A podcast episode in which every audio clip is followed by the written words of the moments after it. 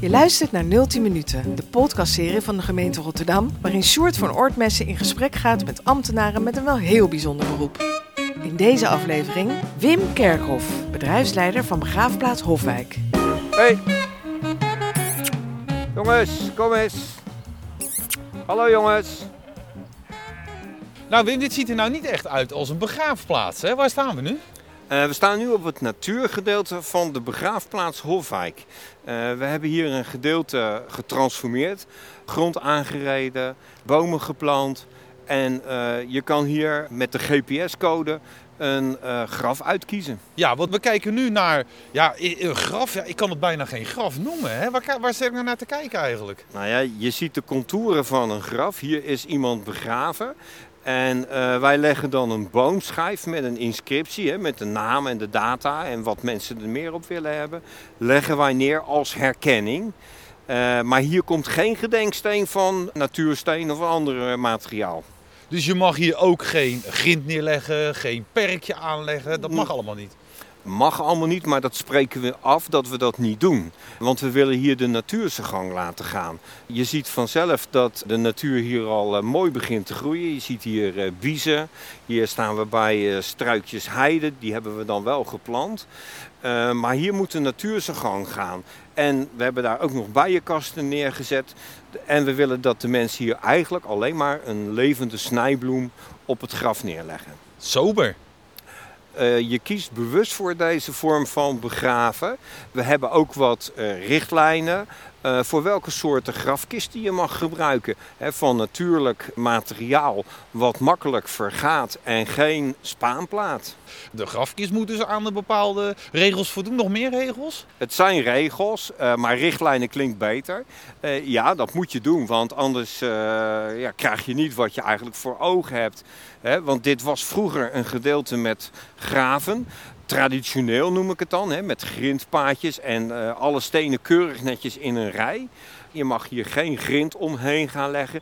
Je mag niet een uh, buksersrandje planten. We vinden ook dat de mensen zich zeg maar, wel vrij hier moeten kunnen bewegen. We hebben bankjes neergezet. Maar de richtlijnen zijn er om uh, ja, het zo natuurlijk mogelijk te houden. En de kleding van de mensen, mogen ze nog iets meenemen? Of is dat ook uh, allemaal maar heel karig? We geven aan dat je bijvoorbeeld uh, geen leer mag gebruiken. nou ja, schoenen. je bril ook niet, want dat is allemaal iets wat niet vergaat. Horloge is ook uit den boze dan, hè? En je gsm ook niet. Maar de tijd heb je ook niet nodig als je dood bent, hè? Nee, dat gaan we denk ik anders mee om. We weten wie hier ligt. Ja. We zien natuurlijk ook een, een schijf. Ja. Er staat een naam op wanneer iemand is overleden. Maar dat is het dan ook wel een beetje. Hè? Maar heb je dan niet de kans dat je bijvoorbeeld, als het allemaal overgroeid is, dat je op iemand gaat staan, op iemand zijn graf gaat staan, per ongeluk? Uh, nou, per ongeluk niet, hè? want die boomschijf die zie je wel. Die kan door de tijd heen natuurlijk vergaan. We hebben wel afgesproken dat als je dat dan wil, dat we over zoveel jaar kunnen we een nieuwe boomschijf leveren. Alleen je ziet de schapen in de verte staan, die uh, begrazen hier dit gedeelte. Wij komen hier ook niet met machines. Wij willen het hier zo natuurlijk mogelijk houden. Dus de schapen die begrazen hier het gedeelte. Die hoge stukjes die laten ze staan, dat is te houtig, dat vinden ze niet lekker. Kieskeurige beestjes dus, Kieskeurige beestjes.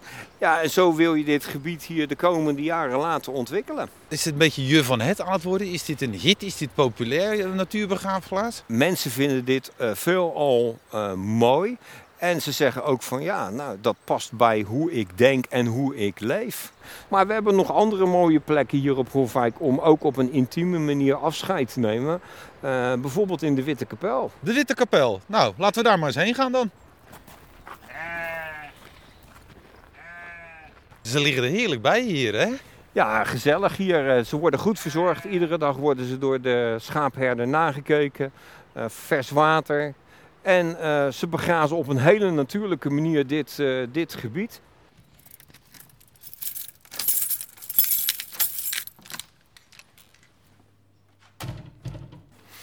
We zijn nu in de Witte Kapel. Dit was vroeger de aula van de begraafplaats, totdat het hoofdgebouw van Hofwijk kwam. En we hebben hier uh, de ruimte heel anders ingericht als dat je eigenlijk zou verwachten. Je ziet hier een tafel, een bankstel staan, uh, wat zitjes. Maar we hebben ook een gedeelte waar de overledene komt te staan. Maar die kan je ook hier in de ruimte neerzetten waar je het wil. En dan kan je op een hele informele manier afscheid nemen. Het is eigenlijk een hele huiselijke sfeer hier. Jazeker. Kijk, het enige wat we zeggen van dat grote bankstel, dat uh, moet je niet verschuiven, want dat is veel te zwaar. En deze grote tafel willen we ook het liefst uh, niet over de vloer verschuiven. Maar je kan hier de deuren open doen. We hebben nog staattafels. Je kan ook buiten gaan staan. Uh, we kunnen consumpties aanbieden, broodjes, frituur. We hebben hier geluid. Je kan hier ook een PowerPoint-presentatie geven. Maar je hoeft niet in rijtjes naast elkaar te zitten. Je kan hier vrij rondlopen en zeggen van nou, ik ga eens met die praten. Of uh, iemand houdt een kort toespraakje. Of uh, we nemen eerst koffie met een gebakje en daarna een wijntje.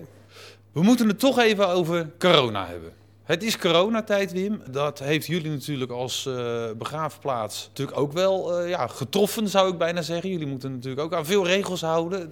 Waar hebben jullie allemaal mee te maken gehad? We hebben nog steeds met corona te maken, maar toen het begon gingen de uitvaarten eerst van tot maximaal 90 personen ineens naar tot maximaal 30 personen per uitvaart. Hè, want de anderhalve meter moest uh, gegarandeerd worden. En we mochten, net als de horeca, geen consumpties meer verstrekken. Nou, dat was heel erg triest. Uh, mensen konden na afloop dan niet meer napraten. Je had geen condoleance meer. Mensen kwamen hier, de dienst werd gehouden en daarna gingen ze eigenlijk direct weer weg. Maar je gunt natuurlijk iedereen een soort waardig afscheid. Maar er zijn dus gewoon mensen bij die, ja, die konden er eigenlijk niet bij zijn. Dat ja, is het dus. maar daar hebben wij als Hofwijk een mooie oplossing voor. Wij hebben de webcast, dat is een livestream waarbij wij via de opdrachtgever van de crematie of de begrafenisplechtigheid de webcast door kunnen laten sturen naar kennissen, familie.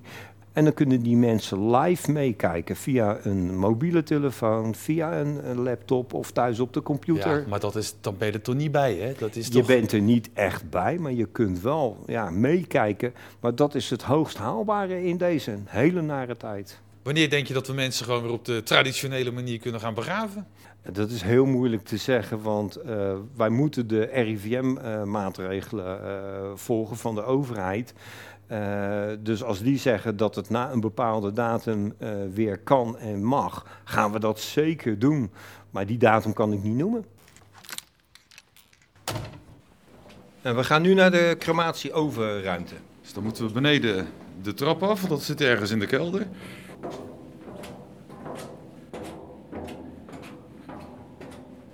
Kan je me dan uitleggen wat hier dan gebeurt? Uh, wanneer de ceremonie in de aula is afgelopen, dan daalt de uh, kist met daarin het stoffelijk overschot uh, naar de oveninvoerruimte uh, met de lift. Hè, omdat de crematieovens beneden staan bij ons in een ruimte. En dan gaan de ovenisten, de mensen die hier werken, gaan de voorbereiding treffen voor de daadwerkelijke crematie. Ja, want we hebben nu hier een soort ja, een ijzeren constructie uh, voor ons staan. Uh, kan je uitleggen wat dat is? Dit is de crematie-invoerbaan, uh, heet dat.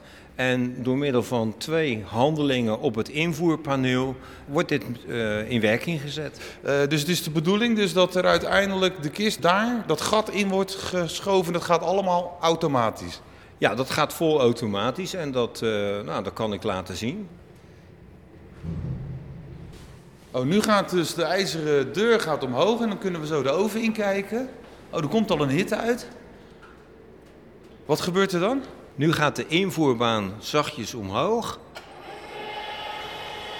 Als die op een bepaalde hoogte is, dan stopt hij. En daarna gaat hij volautomatisch gaat hij naar binnen, de oven in. En dan glijdt nu de kist zo naar binnen? Ja, de kist wordt naar binnen gebracht. In de oven daalt die baan weer. En de kist die blijft op de twee stenen wandjes staan. En de invoerbaan komt weer zachtjes terug. En uh, het bediening van dit paneel mag door de familieleden zelf gedaan worden. Dat leggen wij dan uit. Beetje een macabere vraag, maar hoe lang duurt het voordat een uh, kist met een lichaam daarin eigenlijk tot as is uh, vergaan? het crematieproces duurt ongeveer anderhalf uur. Dat is in het eerste gedeelte van de crematieoven. Daarna in de naverbrandingsruimte nog drie kwartier. Die tijd moet je erbij optellen. En dan gaan we de asresten die dan over zijn gebleven, die worden afgekoeld en die worden daarna dus vermalen tot fijne as. En die gaan de urn in en die mogen we dan op de wens van de familie verstrooien of meegeven.